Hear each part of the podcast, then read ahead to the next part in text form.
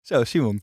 Je ziet er een beetje verslagen uit. Ja, verslagen. Ik, ben- ik eh, voel me super, maar het was een eh, heftig gesprek. Oh nee, maar ik dacht meer omdat ik jou gepakt heb op jouw eigen game afgelopen Op mijn eigen week. game. Ja, het is namelijk eh, exposure zoeken met politiek. Dat is jouw hele game, überhaupt waarom je dat doet. Ja. En ik heb afgelopen zondag natuurlijk eh 8 uur journaal gepakt. En jij moet het elke keer doen met BNR. Oh, inderdaad. Ja, Ja. nee, ik vind het fantastisch. Ja, ik zeker. heb met veel plezier gekeken. Daarom, Dat gun ik jou. verkiezingen komen er natuurlijk aan. Dus ik dacht, ik help eh, de jongens eh, en meiden van waaromkiesjij.nl even. Ja, dus jij hebt even een stemadvies voor de VVD uitgebracht. Maar Zeker. ja, die verkiezingen komen er inderdaad aan. Wij hebben net een gesprek gehad met eh Kautar Bouchalikt Ja, van GroenLinks, de nummer 9.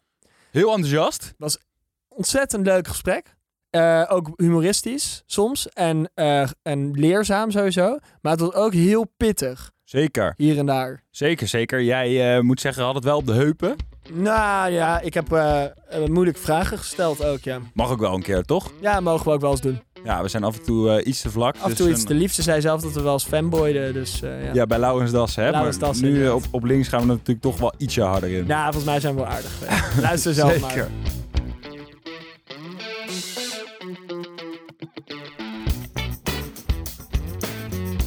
Goedemiddag, Giet.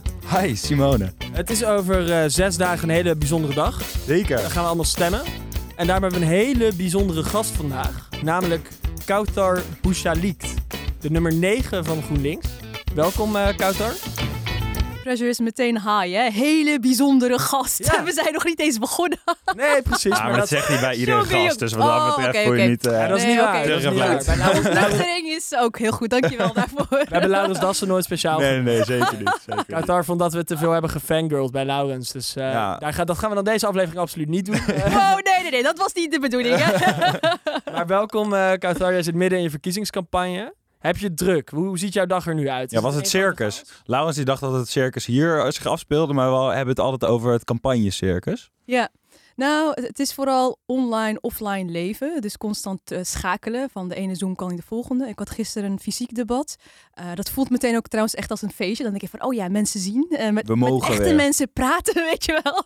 En eh, daar moest ik dan eerder van weg, omdat ik dan bij een online debat aanwezig moest zijn. Dus dat valt wel een beetje samen hoe die dagen lopen. En dan thuis helemaal zo plat op je bed en denken, oké, morgen weer.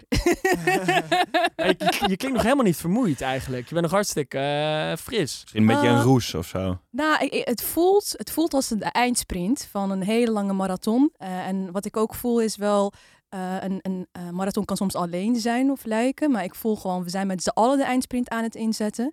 Eh, dus dat voel ik inderdaad. Dus een runner's high misschien. En ik, ik hoop dat er niet, zeg maar, daarna zo'n instortmoment komt. dus het is Ja. gewoon ook van, oké, keep it up, keep it up. Maar be careful. Dat is wel een beetje de modus, ja. Ja, want dat ligt misschien natuurlijk ook aan of je het haalt of niet. Dat is altijd, eh, het, het blijft spannend. Ja. De politiek blijft spannend. Dat is ook wat je de afgelopen weken hebt gezien. Eh, ineens kan iemand opstappen of eh, eh, er, komen er komt een nieuw onderwerp op tafel wat ineens hot topic dan wordt. Eh, dus dat is wel het politiek, eh, nou ja, de realiteit daarin. Ja, Ja, en jij bent nog redelijk jong. 27? 26. 26. Ja, weet je, de grap is, je krijgt meteen 27 op Ja. Google. Ja, nou, iemand moet dat regelen. Dat ja, iemand regelen. moet dat regelen. Dank jullie wel. Maar jij bent, dus pas, jij bent dus pas Ik 26. ben 26. we En jij bent vroeg geïnteresseerd geraakt Ja. in activisme, journalistiek, politiek. Hoe kwam dat? Wat, wat eh, inspireerde jou om daarmee bezig te zijn, op jonge, jonge leeftijd al? Ja, ik, ik weet nog dat ehm, op mijn zeventiende ben ik bestuurslid bij het LAX geweest, het Landelijk Actiecomité Scholieren. En veel mensen kennen dat van de eindexamen klachtenlijn. Ja, En- ja, ja, ja. ja, ja, Ik zie altijd, Echt ik zie ook, altijd, ik zie altijd schuldbewuste gezichten als ik dat doe. Ja, die zag Jullie hartstikke hebben gewoon- trots uit. hè? Ja, joh, eindexamen Nederlands, iedereen Ja, maar, eh, precies. Dat, ja. dat zijn de verhalen. Maar ook, eh, wat we ook destijds hebben gedaan, eh, een eh, demo georganiseerd tegen ophokuren. Dus dat je dan in de mediatheek moest zitten zonder docent. En, Voor de ehm, 1040 ja, uren norm precies. destijds. Oh, ja. Ja, ja, Ja. goed ingelezen. Ja, ja, Ja, voor iemand, iemand is hier voorbereid. iemand wel. Ik denk, we gaan het over politiek hebben. Dat is helemaal mijn straatje, dus we gaan ervoor vandaag. ik ben onder de indruk. Oh, gelukkig, gelukkig. Nou, dus uh, nee, dat was onze eerste landelijke demo. Of de eerste landelijke demo die ik mee heb georganiseerd. En ik dacht, wow, dit is echt heel tof. Van, hey, met heel veel mensen people power. Dus gewoon echt dingen doen. En het is echt hilarisch. Dan heb je zeg maar een groep 17, 16-jarigen op een kantoor.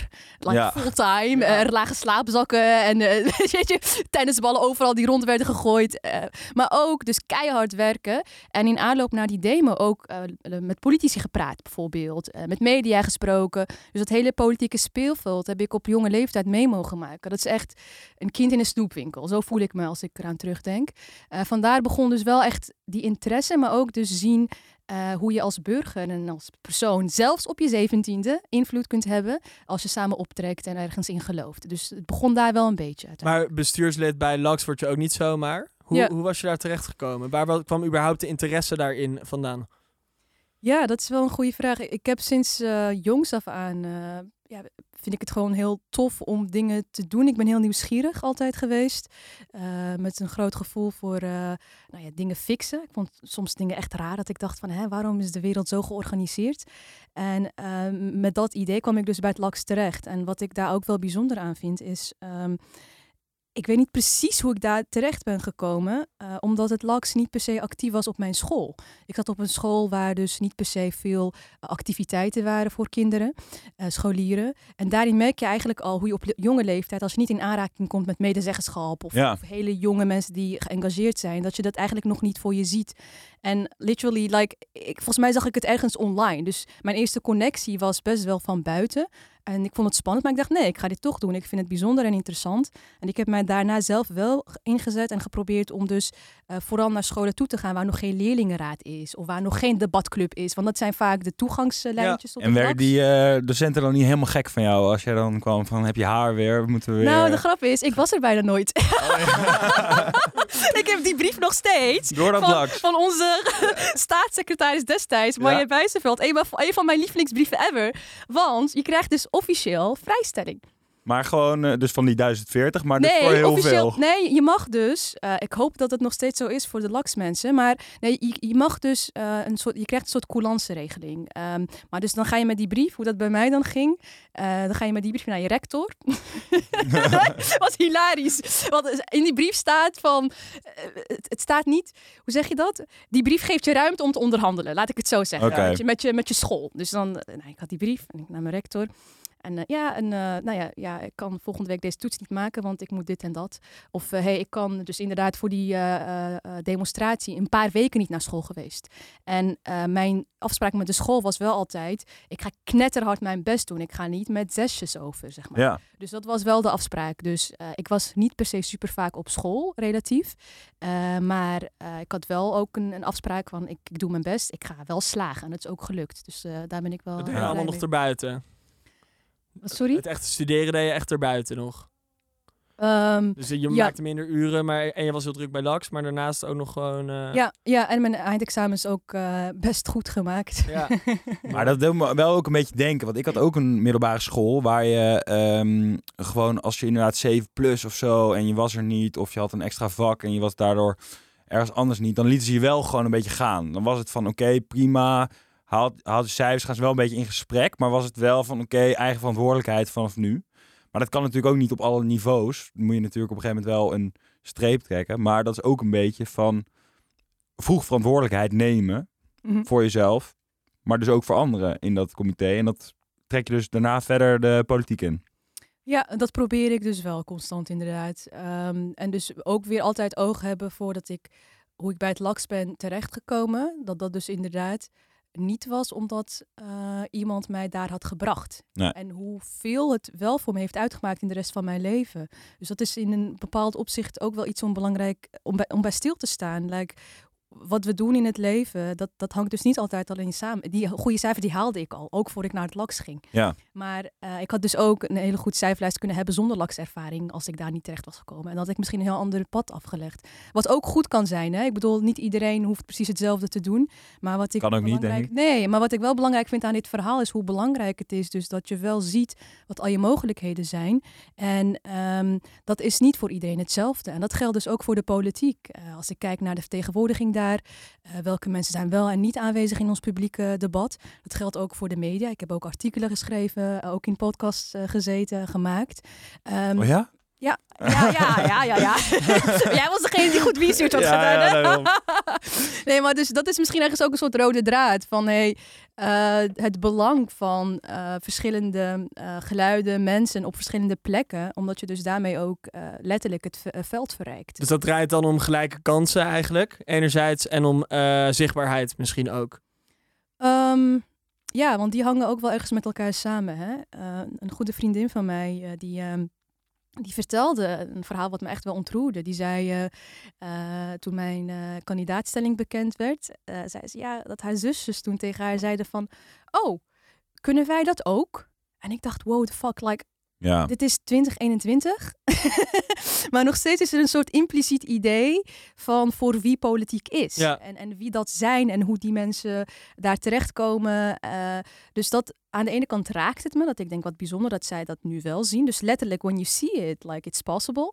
Maar ook ehm, dat we daar nog niet zijn, joh. Dat het niet vanzelfsprekend is. Ja, maar ook dat we hier niet al twintig jaar geleden zijn. Dus Ja. dat de media, dat de journalistiek, dat de politiek, dat daar een vertegenwoordiging is. Ik bedoel, het is pas Vrouwendag geweest. Zelfs qua gender is het nog niet eens representatief, Ja. gelijkwaardig in alle opzichten. En daar komen we weer terug eigenlijk bij wat jou in eerste instantie inspireerde om eh, idealistisch te zijn, namelijk frustratie van dingen die je om je heen ziet eigenlijk. Frustratie, maar ook echt wat ik dus net vertelde. Ik, ik word er oprecht nog steeds vrolijk van. Ja, Gewoon het idee dat een groep scholieren zich opsluit in een kantoor om vrijwillig Shit een demo fixen. te ja. werken. Nee, niet eens een feestje, keihard werken, Ja, joh. shit Echt te fixen. eigenlijk. Ja, shit te fixen. Nee, precies. En dus dat, dat is zeg maar aan de ene kant inderdaad een soort... Ik denk van, hè, hoe, hoe kan het zo zijn dat onze samenleving zo is ingericht? Oneerlijk, de klimaatcrisis wordt niet snel gefixt. eh, we hebben institutioneel racisme.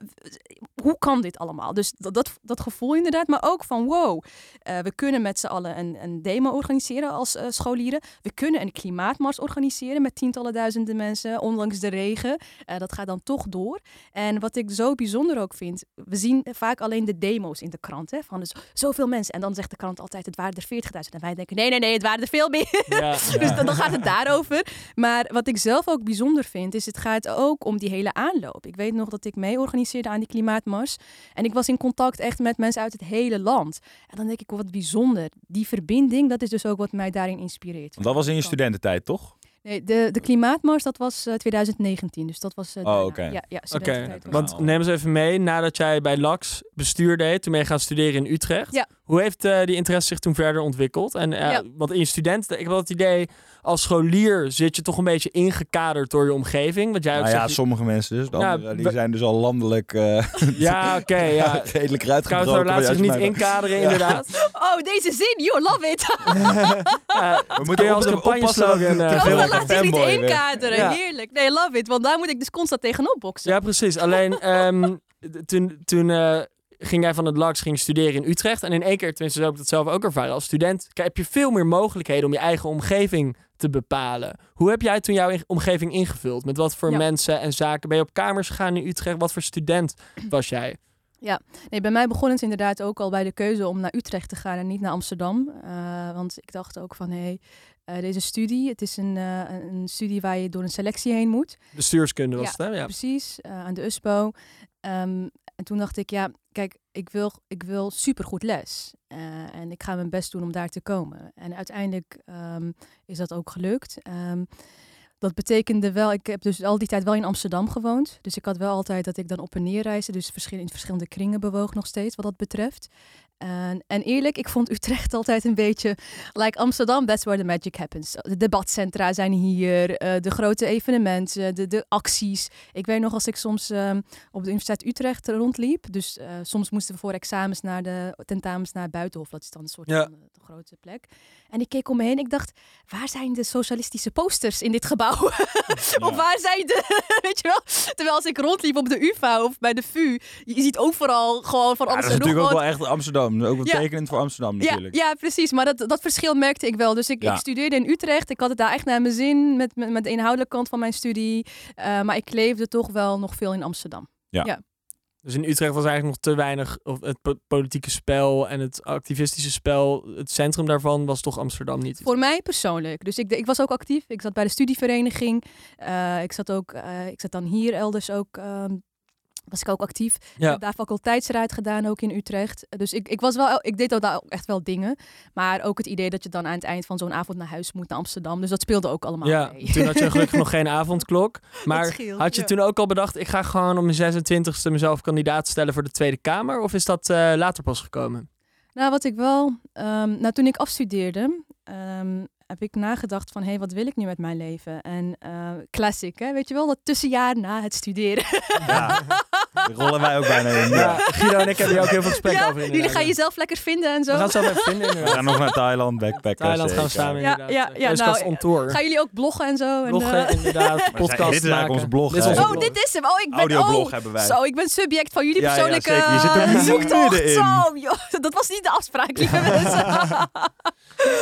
ja, nee, dus ik had ook zo'n jaar ehm, van alles en nog wat gedaan. Ik dacht, hé, hey, Kothar, ehm, like, wat wil je met je leven? En ik, in, die, in mijn studententijd ben ik ook, al, ben ik ook begonnen met schrijven. Dus ik eh, publiceerde al bij verschillende media. Eh, het begon met Facebook-blogs, zeg maar. Zo. En daarna, ja, ja, dus ik schreef... ja, ja, ja, ik kreeg likes, joh. Ik was blij met drie likes. maar ik dacht wel van, hé, ik ga schrijven. En dat vond ik altijd heel tof. En eh, op een gegeven moment dus ook wel, het werd opgepikt. Ik kwam in het Parool terecht. Allerlei andere blogs ook, eh, die dan gingen eh, republiceren. Eh, dus dat deed ik erbij allemaal. En eh, ik was voorzitter en secretaris van Stichting Groene Moslims. Dus bezig met duurzaamheid vanuit dat perspectief. Eh, en dan van alles en nog wat qua vrijwilligerswerk en zo. En dat heb ik ongeveer een jaar gedaan. En toen gedacht van, Kothar, je bent nu, ik ben vrij jong afgestudeerd. Onder andere door het leenstelsel wilde ik geen Ja. studievertraging oplopen. Want ik zat precies in dat brugjaar. En als ik eh, vertraging zou hebben opgelopen, zou ik dan eh, geen beurs meer krijgen. Dus ik, heb, ik ben zeg maar onder invloed geweest van dat hele leenstelsel. Dat Ja. ik heel snel ben afgestudeerd. Ik was op mijn 22e klaar. Zo. Ja, dus ik dacht wel, Kothar, weet je, je kunt altijd, stel je wil nog een, een, een, eh, een soort van ehm, vaste baan ergens, dat kan ook over Ja. twee jaar. Dus ik Ja. dacht, weet je, Kothar, je vindt het schrijven belangrijk, je vindt het activisme belangrijk, je, bent, je wil iets bijdragen. Dat kan ook met een baan hoor, maar ik Ja. bedoelde meer van, ik wilde nog daarin wel ruimte houden. Dus eh, toen ben ik begonnen bij eh, de correspondent. Ja. Eh, bij, eh, met Jelmer Mommers heel veel gewerkt, klimaatcorrespondent. Eh, onderzoek gedaan naar de beïnvloeding van fossiele industrie op onderwijs. Hoe zij dan allerlei gratis lesmateriaal ontwikkelen bijvoorbeeld. Of hele toffe events. En dat het voor scholen heel aantrekkelijk is om het curriculum op te vullen. Dus dan zie je ook die lobby, hoe dat op verschillende niveaus werkt. Ja. Ik heb ook een keer voor Jelmer, Jelmer, love you. ik heb dus een keer voor Jelmer uitgezocht hoeveel bosbranden in Australië volgens mij sinds 1950 plaatsvonden. dus ook op die manier steeds meer verdiept in de materie. Ja. Precies. Maar dat is meer aan de mediakant. Media, maar ook wel dus eh, ja, engaged, weet je Ja. wel. Dus wel gewoon Ja, ook schrijven. Ja, precies. En ja. ook schrijven over thema's die ons raken. Daarna bij One World, een nieuw wij, eh, ook gewerkt, een aantal maanden. Dus ook wederom thema's die ons heel direct raken. Ehm, en steeds meer in dat veld ontwikkeld. Dus heel erg in eh, de klimaatbeweging. En constant dus wel eh, met een intersectioneel perspectief. Dus als het gaat om ehm, bijvoorbeeld de klimaatcrisis, even heel concreet. eh, die raakt vrouwen het meest. eh, omdat zij eh, in arme landen het meest de zorg, de zorg dragen. Vrouwen zijn het minst vertegenwoordigd in de politiek. Dus zij beslissen daar ook weer minder over. En wat je ook ziet, is een heel concreet voorbeeld. ehm, dat mensen die bijvoorbeeld eh, minder geld verdienen, vaak ook wonen in wijken met slechtere luchtkwaliteit. Omdat de huizen die daar worden neergezet goedkoper zijn. Ja, ik zie Guido Dus moeilijk echt- kijken. Ja, ik Ja, zeg ik ik vind het weet- heel lastig Inter. Ja. Intersectionalisme. Ja. Dat houdt, Gaan. Kautar, als ik het verkeerd zeg, moet je me verbeteren. Ja, doe je ding. Je hebt eh, natuurlijk dimensies van vrouwengelijkheid. Je hebt dimensies van economische ongelijkheid. eh, gender, ook LGBT, et cetera. En als je al die dimensies verbindt. Ja. Dus bijvoorbeeld klimaat in dit geval. En eh, vrouwenrechten of vrouwenongelijkheid. Dat noem je intersectionalisme. Want je zit tussen die Twee secties dimensies in. Was dat goed? Heel goed. Ja, Kijk. je komt heel goed in de Dus het buurt. raakt meerdere vlakken eigenlijk. Precies, precies. En ik gebruik dit woord trouwens expres. Dus ik ben blij dat we even erbij stilstaan. Want eh, er wordt mij soms gevraagd van... Hey Kothar, waarom gebruik je dit woord? Want inderdaad, het is in- soms ingewikkeld. Ja. Maar ik, ik probeer het juist wel te gebruiken, zodat het iets meer de norm wordt. Omdat ik heel erg zie hoe dat samenhangt. En wat ik bijvoorbeeld heel mooi vond van de Klimaatmars, is dat wij toen destijds samen met de vakbond en de woonbond mee hebben georganiseerd. Dus zij waren echt onderdeel van de coalitie. Uh, want we kunnen wel zeggen, hé, hey, we moeten af van allerlei uh, banen en de fossiele industrie. Oké, maar wat doen we met de mensen die daar werken? Ja. Dus ja. Dat, dan gaat het over uh, klimaat en klassen of klimaat en portemonnees. Dus dat is dan heel specifiek de klimaatmars, hoe dat samenkomt. Ja, dus eigenlijk bijvoorbeeld hoe ga je mensen die zorgen, bijvoorbeeld boeren zou je ook kunnen zeggen bijvoorbeeld, als we de veestapel willen halveren, geven, hoe gaan we boeren een sociaal vangnet geven? Is, ja. is een van de ja. vraagstukken die dan intersectioneel is. Ja, het is maar, ja, maar ook jongens. kleur en gender ook. Hè? Ja. Dus het, dat hangt allemaal samen. Allemaal. Maar het gaat al lekker over de politiek. Zeker. Uh, wat worden de belangrijkste, wat wordt voor jou na klimaat, want dat is duidelijk, het belangrijkste thema voor GroenLinks aankomende verkiezingen en daarna? Ja, ja, groen en eerlijk. Hè? Uh, wat wij vaak uh, zeggen, en daar geloof ik ook echt in, is de vervuiler betaalt. Um, uh, het kan echt niet zo zijn dat bijvoorbeeld de, de, grote bedrijven die het meest uitstoten relatief minder daarvoor bijdragen. En dat wij als consument van alles en nog wat wordt gevraagd of gestimuleerd. Dan denk ik ja, heel tof, op individueel vlak ook. Maar ook vanuit uh, politiek en overheid kunnen wij dus fondsen of, of, of, constructies opzetten die het makkelijker maken voor de consument. Plus uh, die eerlijke verdeling, die zit hem dus heel erg in het um, beprijzen bijvoorbeeld van CO2, nadenken over die veestapel. Ja. En het zijn moeilijke gesprekken, maar wat wij dus wij GroenLinks wel doen, is wij hebben ons programma doorberekend. Daaruit blijkt ook dat al onze plannen haalbaar zijn en dat het ook betaalbaar is. en dat, dat, dat is wat het voor mij kenmerkt. Dus eerlijk over die transitie, ook het moeilijke gesprek durven voeren. En tegelijkertijd dus groen zijn, maar ook links. Dus investeren in de woningenmarkt. Wij zijn heel erg voor het instellen van een huurplafond.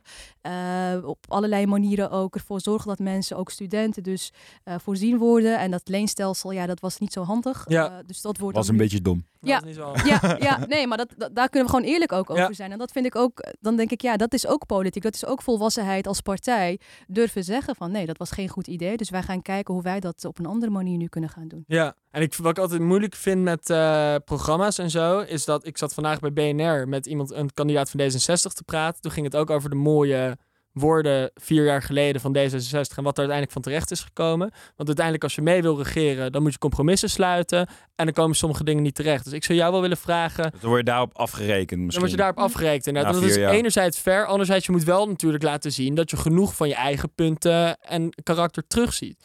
Dus ik zou dan uh, wel aan Qatar willen vragen, als stel je, gaan zo meteen die formatietafel en er zijn, laten we zeggen, twee of drie beleidsvoorstellen die jij dan sowieso uh, er doorheen wil jassen. Wat zouden die dan, uh, wat zouden die dan zijn? Dingen die uh, non-negotiable zijn eigenlijk. Um, ja. Zo, deze vind ik altijd moeilijk. Guido, anders beantwoord jij hem eerst. En dan voor, heb ik wat voor mij persoonlijk. Drie, oh, wow. drie beleidsvoorstellen. oh, maar Guido houdt niet van lijstjes, toch? Beleid, lijstjes, helemaal niks, joh. Maar ik ben benieuwd. Drie beleidsvoorstellen, Giet. Nou, maar deze vraag moet je mij gewoon niet stellen op dit moment. Okay. Ik heb uh, wel prima een kieswijzer gedaan, maar verder... Wat, wat kwam uh, er uit eigenlijk, de kieswijzer? Um, Durf je dat zeggen? Er kwam VVD uit. VVD. Ja, dat heb ik ook op het 8 uur laten zien aan iedereen. Oh ja. Dus dat um, was ook wel een primeurtje. Dat is top. Maar um, ja, weet je, ik, dat is voor mij... Um, ja, gewoon niet te beantwoorden. Nou, Kautar, jij hebt... Dit is een heel politiek antwoord van Guido. Ik hoop dat jij ja, het beter ik ga doet. van Guido leren gewoon. Ja. Je zou Guido als woordvoerder moeten hebben. Geen. Ja. Sluit je aan bij ons. Dan mag je me trainen. Nou, als, als jij nu met een heel goed plan komt, dan wil ik daar best wel over Zo'n nadenken. drie, drie punten plan van Kautar. Nee, deze vind ik oprecht moeilijk. Ja, maar misschien niet, niet zijn. dingen die sowieso prioriteit hebben over andere dingen, maar gewoon drie punten die jij heel belangrijk vindt uit het partijprogramma van GroenLinks, die we terug moeten zien in de volgende regering. Nou, voor mij gaat het meer om waarde dan. Eh, afgelopen kabinet, die hebben rondom corona, eh, afgelopen periode heeft het kabinet rondom corona het groeifonds geïntroduceerd Ja. bijvoorbeeld. En dat gaat nog steeds uit van het idee van groeien, groeien, groeien. En uh, waarden die ik en ook GroenLinks heel belangrijk vinden, is dus uh, niet alleen groei, maar ook uh, transitie en verduurzaming. Uh, en vandaar ook het klimaatfonds. Dus ik vind het heel moeilijk om heel specifiek drie dingen te noemen. Daar Ja. ben ik eerlijk over in. Want uh, wat je net ook aangeeft, je zit uiteindelijk aan tafel en uh, je bent met z'n allen een puzzel aan het leggen, uh, waarvan niemand precies weet hoe de puzzel eruit ziet en iedereen een paar stukjes heeft. Ja. Dus ik vind het oprecht spannend. Hè? Ja. Ik ben daar gewoon eerlijk in. Uh, natuurlijk willen we heel veel, maar daarom houden we ook vast aan een zeg maar, daarom willen we ook heel graag samen optrekken met links. Met het idee van, hey, eh, er zijn dingen die ons van elkaar onderscheiden eh, als partij. Dat Maar er zijn veel gezond. overeenkomsten. Ja, en er zijn ook wel Ja. overeenkomsten. En als we dat ehm, met elkaar eh, bespreken en daarin elkaar vasthouden, dan kunnen we dus aan die tafel dat ook laten zien. Zou links niet moeten fuseren? Als je nu kijkt hoe SP, GroenLinks, D66, PvdA aan de peiling staat. Zou samen de grootste partij kunnen zijn. Dan heb je een, een linkse premier in één keer. Guido die krijgt er nachtmerries van als hij het hoort. nu al meteen. Ja. Maar heb jij daar een, een, eh, sterke mening over? Of eh, is dat gevoelig met verkiezingen? Nou, kijk, wat, wat ik belangrijk vind uiteindelijk, eh, en daarom zit ik ook bij GroenLinks, is groen en links bij elkaar. Dus ik zie dat sommige partijen dus meer de nadruk leggen op eh, eh, bijvoorbeeld herverdeling, zonder weer oog te hebben voor bijvoorbeeld antiracisme. Ja. Of bijvoorbeeld. Of andersom, Partij Ja, voor de Dieren. Ja, of bijvoorbeeld de Moria, wat daar is gebeurd. Ja. Dat vind ik super heftig. Dus ik, ik, mijn, ik, ik heb wel zoiets van, ja, politiek is soms echt wel ingewikkeld. Ja. Principes en, en hoe vertaal je dat tot de praktijk? Je moet het opschrijven, je gaat samenwerken. Ehm, maar als wij eh, het eens zouden kunnen worden over eh, hele grote zaken, eh, ja, dan, dan hoop ik dat heel Nederland dat ook zo ziet. Maar de realiteit is wel dat, dat dat gewoon niet zo is. Ja. En ja, dat, dat zie ik niet zo snel gebeuren. Oké, dus nu nog onwaarschijnlijk dan. Het liefst had ik het anders gewild. Maar vandaar wel die progressieve, dus wel echt die handreiking. En Ja. dan wel oog voor de verschillen. Eh, want dat is ook de rijkdom die we hebben hier in Nederland. Dat je gewoon wel verschillende smaken hebt. Maar wat ik soms wel jammer vind, is dan ehm, dat, ehm, dat er dus meer de nadruk wordt gelegd op de verschillen dan op waar we samen in kunnen optrekken. Eh, dat, vindt, eh, Ja. dat, dat komt zeg maar rechts dan goed uit. dat in het Omdat er daar dan een beetje verdeeldheid is. Ja, en Ja. het kan ook dan gaan over, oké, ehm, eh, uiteindelijk gaat het ook om zetels. Ja. Ja. Ja. we kunnen er heel lang omheen draaien, maar dat is ook wat het is. Cathar, waar ik het ook nog even over wil hebben, is eh, de mediarel. Aan het eind van, eh, van vorig jaar, als je het goed vindt. Eh, er was eh, veel over te doen. Want jij was, als ik het goed zeg, tussen 2019 en 2020 was jij bestuurslid van FEMISO. Dat is een eh jongere organisatie, een jongere vereniging eigenlijk, voor moslims. Die volgens onafhankelijke experts, waaronder dus de Duitse inlichtingendienst heb ik begrepen, en de Nieuwsuur in Nederland, hebben zij banden of worden zij gelieerd aan het moslimbroederschap. Ehm, nou, dat was, was niet bekend in jouw biografie. Eh, is dat niet genoemd vanuit GroenLinks. En er was nog een dingetje, want toen jij daar bestuurslid was, vicevoorzitter, toen heb je een workshop gegeven bij Mili Curus, als ik het goed uitspreek. En dat is een eh oerconservatieve organisatie die ook slecht in het nieuws is geweest de afgelopen jaren. Want ze hebben tientallen Turk, Turks-Nederlandse jongeren eh, naar Turkije soort begeleid of gestuurd. Op, eh, waar ze les kregen van een imam. Die vindt dat mannen vrouwen mogen, mogen slaan. Dat is één. En twee was ook bij de bijeenkomst waar jij de workshop gaf. ehm, waren mannen van vrouwen gescheiden. En dat is meestal zo bij, bij hun bij, bijeenkomsten, toch? Is, is dat een beetje de context waarin die ruil ontstond? Dat we dat. eh, De context of het gescheiden zitten, waar wil je bevestigen? Oh nee, gewoon het, het. Ik probeer de ruil te omschrijven. Was dit ongeveer wat er is eh, gebeurd? Of zitten er feitelijk onjuistheden in? Nou, wat, wat, het grote discussiepunt eh, ook is, is eh, Femiso, dat is dus een jongere organisatie Ja. die ook samenwerkt met de Europese Unie. Ja.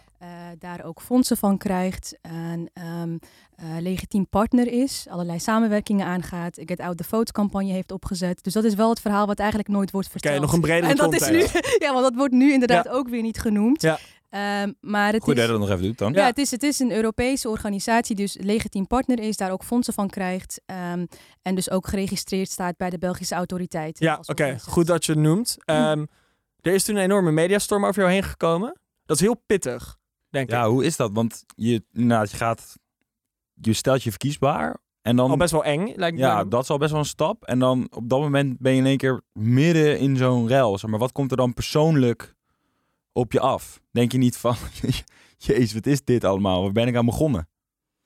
Nou, kijk, wat het voor mij. ehm daar hadden we het aan het begin van dit gesprek ook even over. Hè? Van ehm, eh, welke mensen zitten op welke plekken en welke stemmen worden wel gehoord en welke niet. Als Ja. het gaat om eh, politiek, maar ook media en alle andere zaken. En ehm, toen ik dit zag gebeuren, of toen dit gebeurde met mij, eh, dacht ik wel van. Eh, wow, ehm, dit is heftig. Eh, Ja. Want eh, je ziet hoe verschillende mensen daarop gaan reageren. En dat het bijvoorbeeld voor bepaalde politieke partijen meteen dan de reden is om... We willen geen hoofddoekjes in de Kamer. Dus het wordt Ja. ook meteen ingezet als Geframed, onderdeel ja. van... Dus even nog los van wat er precies aan de hand is. Maar het wordt gebruikt om eigenlijk aan te geven van... Hey, eh, d- dit kan niet, überhaupt. Nog zonder dat precies bekend is wat het is. En wat mij ook opvalt, eh, opviel, maar nog steeds ehm, waar ik bij stilsta, is dat ik eh, zoiets heb van: hey, ehm, ik heb de afgelopen jaren, dus wat ik net ook beschreef, hè, wat ik allemaal heb gedaan.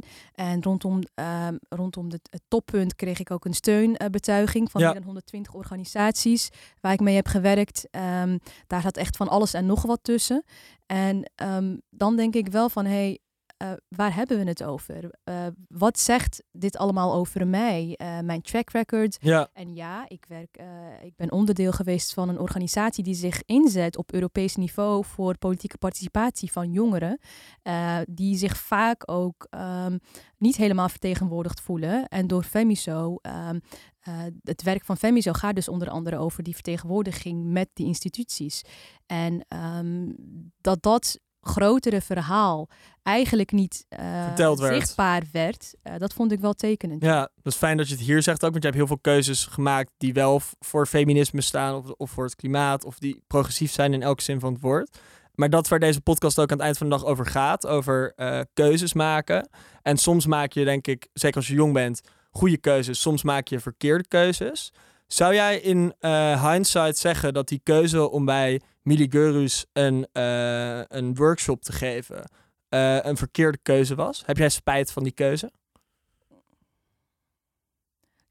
Kijk, waar het mij om gaat is uh, Mili Gurus Duitsland. eh, die was of die is lid van Femiso. Ja. En ik was daar vanuit Femiso om een workshop te, ver- eh, te verzorgen over teambuilding. Ja. Want eh, daar wordt soms ook van ons dan nog wat over gezegd en gedaan. eh, net, of, net of het over iets heel anders ging. En op het moment dat ik namens de organisatie die ik vertegenwoordig langs ga bij een van de leden en zij zitten gescheiden, ehm, dan respecteer ik dat. Net zoals ik het zou respecteren in een synagoge of elders waar mensen ervoor kiezen om gescheiden te zitten. Ja. Het is dus niet zo eh, dat ik de mensen heb gevraagd om gescheiden te zitten. Nee, tuurlijk niet. Dus, Nee. en dat, maar dit zijn van die nuances die dus ook vaak niet worden meegenomen in, in, in het hele verhaal.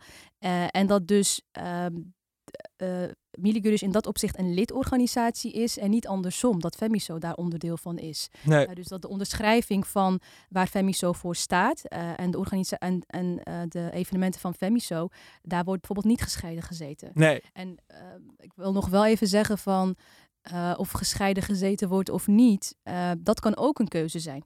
Kijk, ik ben tegen elke vorm van dwang en onderdrukking. Maar het is altijd moeilijk om achter de schermen te kijken. Want je weet nooit natuurlijk... Dus nu eh, Lale Gül heeft volgens mij net een boek uitgebracht. Daar is veel over te doen. eh, die een orthodoxe moslimachtergrond heeft. Dat soms is het niet helemaal duidelijk van de buitenkant... of eh, in een organisatie vrouwen onderdrukt worden of niet. Wat we wel weten over Milli Görüş is dat... ehm, ja, dat ze dus Nederlandse jongeren, Turks-Nederlandse jongeren... naar Turkije hebben gestuurd naar een imam... die zegt dat, je, dat, dat, dat mannen vrouwen mogen slaan dat is op geen manier eh, intersectioneel. Dus eh, dan, en ik begrijp de context hoor, en die is heel belangrijk. Ik vind het goed dat je hem geeft. Maar ik ben toch wel benieuwd, heb je spijt eh, uit, in hindsight van de keuze die je hebt gemaakt om daar die workshop te geven? Is het, antwoord kan ja zijn, antwoord kan nee zijn. Het kan ook dat je het niet weet, dat zou ik ook Mhm. begrijpen. Misschien weet je niet zeker of je er spijt van hebt. Ik vind het complex. Maar, ehm, maar, maar ik ben wel benieuwd naar het antwoord op die vraag. Nou, kijk, wat ik ook dus eerder ook heb aangegeven in interviews. Hè, ik vind het heel belangrijk om te laten zien dat ik daar was in een bepaalde context. Ja. En als bestuurslid van Femiso. Eh, en ook de inhoud van die workshop ging over teambuilding. En wat dat betreft, eh, in die rol eh, was dat op uitnodiging van die organisatie. Dus dat is iets wat daar dan bij hoort. Ja. Ehm, Maar het is altijd lastiger dan dat. Want GroenLinks voert ook wel eens het no-platform eh, debat, zeg maar. Dus eh, van, oké, moet je sommige sprekers überhaupt een podium geven? Of moet je met sommige sprekers überhaupt samenwerken? Want met, als je met een, een beweging of een organisatie samenwerkt... dan zit daar een bepaalde mate van... eh, je legitimeert ze ook als legitieme organisatie om mee samen te werken... En dat is hier natuurlijk ook een beetje het geval. Omdat je kan als Femiso kun je op heel veel plekken workshops geven bij heel veel organisaties. Je zou er ook voor kunnen kiezen. Oké, we gaan met die club niet langs, want wat we weten daarover, de dingen die ik net noemde, zijn, klinken niet eh, vrouwvriendelijk. En daar willen we, dat willen we op geen manier legitimeren. Dus dan heb je er achteraf misschien toch, toch spijt van. Of, of, heb je, of zie je dat anders? Nou, ik vind, kijk, deze vraag vind ik heel complex, hè? Want het, het gaat erom van, eh, ik stapte in bij Femiso Ja. als bestuurslid, hè? En ehm, wie daar dan al lid waren of niet, daar ga ik niet over. Waar ik wel over ga is, eh, wat is de inhoud eh, die wij delen? Welke rol speel ik daarin en, ehm, als bestuurslid? En hoe gaan we dus met verschillende organisaties om? Dus um, Miligurus, Duitsland was daar een van, is daar een van. Ja. Eh, er zijn ook heel veel andere organisaties waar ik in die rol langs ben geweest. Ja. Eh, ik ben ook eh, op andere plekken geweest, andere organisaties. En vanuit Femiso. Ja. Dus constant in die rol. En die mensen of die organisaties die hebben zich aangesloten bij Femiso. En wie daar lid van zijn en wie niet, dat wordt beslist door de Algemene Ledenvergadering. Ja. Dus Maar jij zou toch op, op- op- want al, je hebt later gezegd als GroenLinks kandidaat Kamerlid zou je daar niet meer langs gaan. Misschien heeft dat ook te maken met eh, hoe GroenLinks daar, daarin staat, maar ook van persoonlijke overtuigingen. Ik begrijp volledig dat jij daar in je functie als Femiso bestuurslid eh, heen bent gegaan. Ik be- ik begrijp ook volledig dat er dan al bepaalde banden zijn met bepaalde organisaties en dat je daar dan misschien minder over nadenkt. Maar het derde punt is, je zou nog steeds als persoon met bepaalde overtuigingen, als eh, intersectioneel klimaatactivist, die ook voor vrouwenrechten staat, hebben kunnen zeggen: die club, daar ga ik liever niet langs. Want daar, dat vertrouw ik niet helemaal met vrouwenrechten en daar sta ik voor. En, en, en dat, het is me nog steeds onduidelijk als je die keuze opnieuw zou kunnen maken. Het is uiteindelijk de keuzekast. Er is ruimte ook om keuzes te veranderen. Die moet er ook zijn, vind ik, in de politiek. Als je die keuze opnieuw had kunnen maken, had je die dan anders gemaakt of niet? Dat vind ik heel lastig te zeggen, Simon. Dus, omdat dus dan het dus een hele niet. andere context is. Het is echt een hele andere context. Ik zit nu ook in een hele andere ehm, eh, rol ook. Dus het was heel expliciet vanuit een rol. Want je zei net ook van, hé, hey, die zit altijd gescheiden. Weet ik niet. Ja. Mensen doen dan ook alsof ik kind aan Maar huis is dat ook was. niet gewoon, gewoon best wel onoverzichtelijk, zeg maar, dat je daar misschien helemaal niet over nadenkt, dat je inderdaad niet weet van tevoren dat dat zo is. Nou, ja, weet je wat het is? Van me- me- Zeg maar, eh, Femiso die heeft eh, ongeveer 30 leden. Ja. En daar zitten echt alle verschillende leden tussen. En eh, die organisaties, die zijn allemaal eh, wederom weer eh, landelijk, lokaal georganiseerd. En ehm, die kunnen dus inderdaad verschillen van elkaar. Ja. En, Ja. eh, dat is het. Dat is en als ik daar dan kom en ehm, het gaat dus heel specifiek over bepaalde inhoud, eh, dan is dat dus heel erg vanuit die rol. Dus vandaar dat lastig, ik het ja. een complexe vraag vind. Snap ik, omdat ja. Het dus ehm, een hele andere setting is. En wederom, eh, op het moment dat een lidorganisatie zich dus aansluit bij Femiso, eh, onderschrijft die lidorganisatie de waarde, waarde van, van Femiso. Femiso, ja, dat begrijp ik. Femiso staat dus voor die, weet je wel, dus dan dat ik ga niet. Snap ik. Maar de verhaal- uitkomst is dus dat je niet zeker weet of je spijt van je keuze hebt. Het ligt te complex.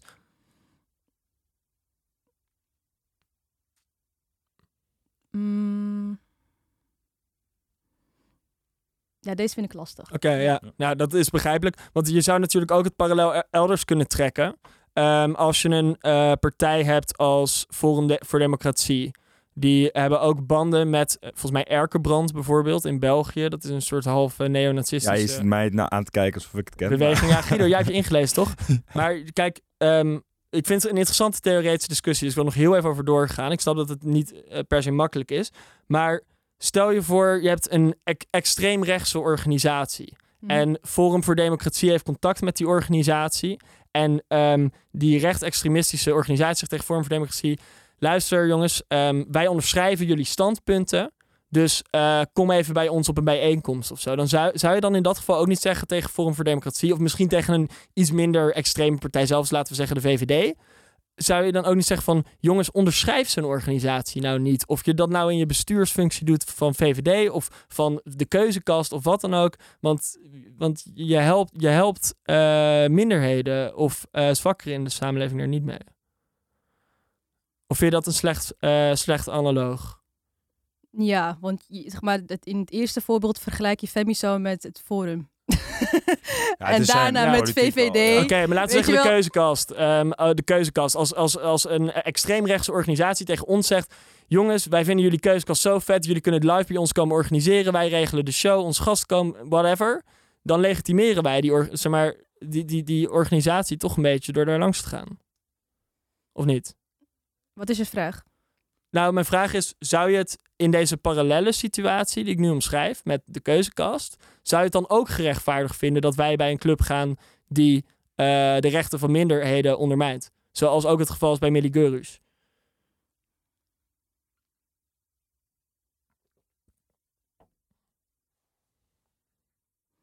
Wat ik hier lastig aan vind, is dat ik nu bijna verantwoordelijk word gehouden voor alles wat Miligurus doet. Ja, maar dat doen wij niet hier, toch? Of vind je van wel? Nou, door daar te zijn geweest, Ja. net of dat dus alles legitimeert wat die organisatie doet. En dat is een. ehm, Dat is een stretch. en, nou, ik, ik, kijk, ik was, wat ik net dus al een paar keer heb aangegeven, in welke rol ik daar was. Ja. Dat zij dus dan vanuit ehm, eh, die rol ons zi- zich bij Femiso hadden aangesloten. Ehm, ja, dat. Ja, want, maar zo zou dat ook bij de keuzekast zijn, toch? Wij zouden dan, Erkerbrand, zouden wij ook niet alles onderschrijven wat zij ooit hebben gedaan. Wij gaan er alleen een post- podcastje opnemen. Dus vandaar ben ik dan benieuwd, of is dat dan kwalijk of is dat niet kwalijk? Of eh, zouden we dat wel of niet moeten doen?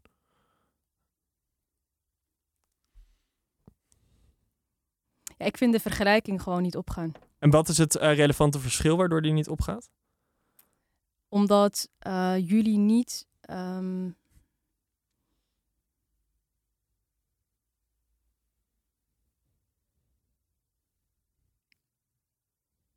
Ja, de, de vergelijking met extreem rechts. Ja, ehm, het punt van de overeenkomst dat ik probeer te maken is extreem rechts. ehm, is eh, ondermijnt, vind ik, de rechten van minderheden en van kwetsbaren in de samenleving. En van wat ik heb gelezen doet Millie Gurus dat ook.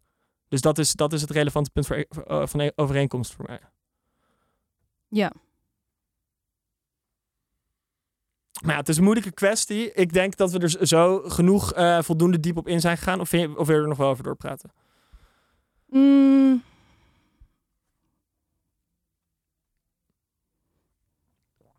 Nou ja, wat ik er lastig aan vind is dat nu ehm, ook een soort. ehm, ja, nou ja, de, de, de verantwoordelijkheid die nu hier bij mij wordt neergezet voor wat een eh, internationale organisatie doet Ja, in een specifieke context, internationaal, eh, die vind ik best wel heftig. die vind je heftig. Ja, En maar dat is dan, ja, want, ja, ik vind dat toch lastig, omdat je, ook als je bij een organisatie hoort aan het eind van de dag, maak je je eigen keuzes daarin. Mhm, Toch zeker mhm. als je vicevoorzitter bent, kun je ook zeggen, eh, dat doe ik niet. En ik, denk, ik wil niet die verantwoordelijkheid bij je leggen. En ik, vind, ik, ik, ik snap dat het een moeilijke keuze is. Als ik bij een internationale studentenorganisatie zou zitten en iets zou gewoon routine zijn. Ik zou in die workshop gaan. Ik denken, oh, mannen, vrouwen zitten gescheiden. Dat is een beetje raar. Dat kan ik me Maar, voorstellen. de vraag is, dat maar, maar daar ging de vraag ook niet. Oh, het was ook niet van we nemen jou dat kwalijk. De vraag was meer: heb je er eh, spijt van with the benefit of hindsight? Dus ik, ik probeer die verantwoordelijkheid niet, op die, eh, niet zo zwaar bij je te leggen. Ehm, maar, maar, maar het gaat even om die keuze. Meer, het was een vergissing, bedoel je? Ja. Ja. Want zo, daar zou ik dan denk ik. Ik weet niet hoe het met jou zit, zit eh, Giet. Maar dat zou ik wel. Dat zou ik wel, denk ik, in hindsight denken dat dat dan wel een vergissing was. Ja. Maar ja, lastig. Ik, we hebben een pittig gesprek gevoerd over politiek. Dat is niet echt keuzekast. Heb- Nou, helemaal niet als het aan mij ligt. Nee. Heb je het een beetje... Hoe Ik vond vond je het het? lastig. Ja, nou, dat is geen laatste, maar- kwestie. Ik ben wel nog benieuwd. ehm, de eindsprint zei al even van de campagnes ingezet. Mhm. Jij zit net nu een beetje op het randje, toch? Of het gaat halen of niet? Eh, als we de peiling ja het eh, schommelt. checken. Het schommelt. Dus het is echt. eh, Maar 9 is best safe, toch, bij GroenLinks? Guido, die kijkt Nee. natuurlijk allemaal van die rechtse peilingjes. maar, eh, ik, heb, ik heb het vlak voor de uitzending nog gecheckt. maar waar zit GroenLinks op? staat nu op 10, 10. 11? Oké, nou, gaat toch...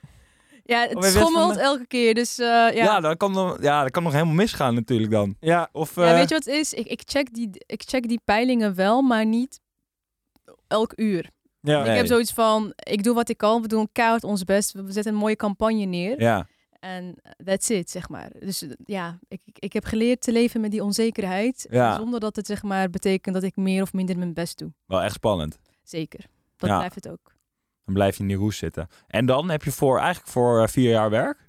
Toch? Dat is de bedoeling. Dat is de eerste keer dat je dan zo'n vaste, zo'n vaste job hebt. Dat is ook Ja, waar. de helft Ja, van de Kamerleden die stopt er tegenwoordig eh, mee na één of twee jaar. Maar dat ga jij niet doen, toch? dat is, eh, daarvoor was de prijs te hoog. Joh, zelfs Ja. dit gesprek. Ja, maar nu, nu zijn dit de, gesprek, joh, dat was al de, nu zijn de reden. verzonken kosten zo hoog. dat Nu moet je wel vier jaar de Kamer in. eh. Nee, maar ik, weet je, ik heb zoiets van. ehm, eh, dat, dat gaat ook over die klimaatcrisis Ja. en alle andere shit die we moeten fixen. Het gaat er ook om ook langetermijnvisie en, en, en, en doorgaan. Want waar wil jij graag op zitten dan straks? Want we hadden het even over die portefeuille die dan verdeeld wordt. Ligt hem dus een beetje aan hoe groot je partij wordt, hoeveel er dus bij jou terechtkomt. Mhm. Waar ben jij nu een beetje op aan het azen van het zou leuk zijn als ik eh, daar me voor in mag zetten? Ja, het is wel, kijk, het is uiteindelijk wel een team. eh Ja, ding. Ja, ja, dus je gaat op, afstemmen. man. Deze- ik ga niet. Deze politica. Dat is die, die rechtse Ja, ja, ja. mentaliteit van Guido. Bij de. VVD zit iedereen te azen op bepaalde portefeuilles. Investatie.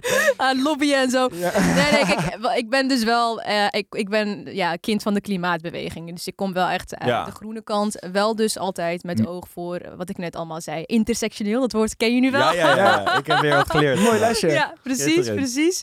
Ehm, dus, ehm, nee, nou ja, goed, dat, eh, dat zou mooi zijn. Ik had dan nog, nog één, één vraag waar ik wel benieuwd naar ben. Ehm, als Jesse Klaver er over vier jaar nou eh, op, mee, eh, op mee wil houden als Daar lijst. kunnen we wel van uitgaan, toch?